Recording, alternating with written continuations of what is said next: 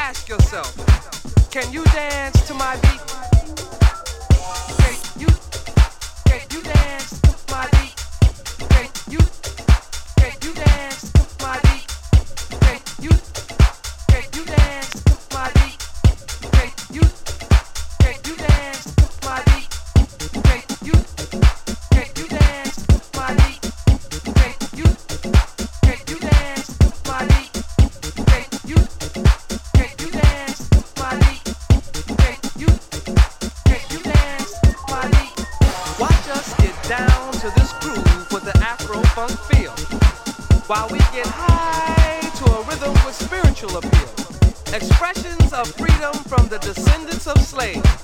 God gives us the strength for new horizons we must break.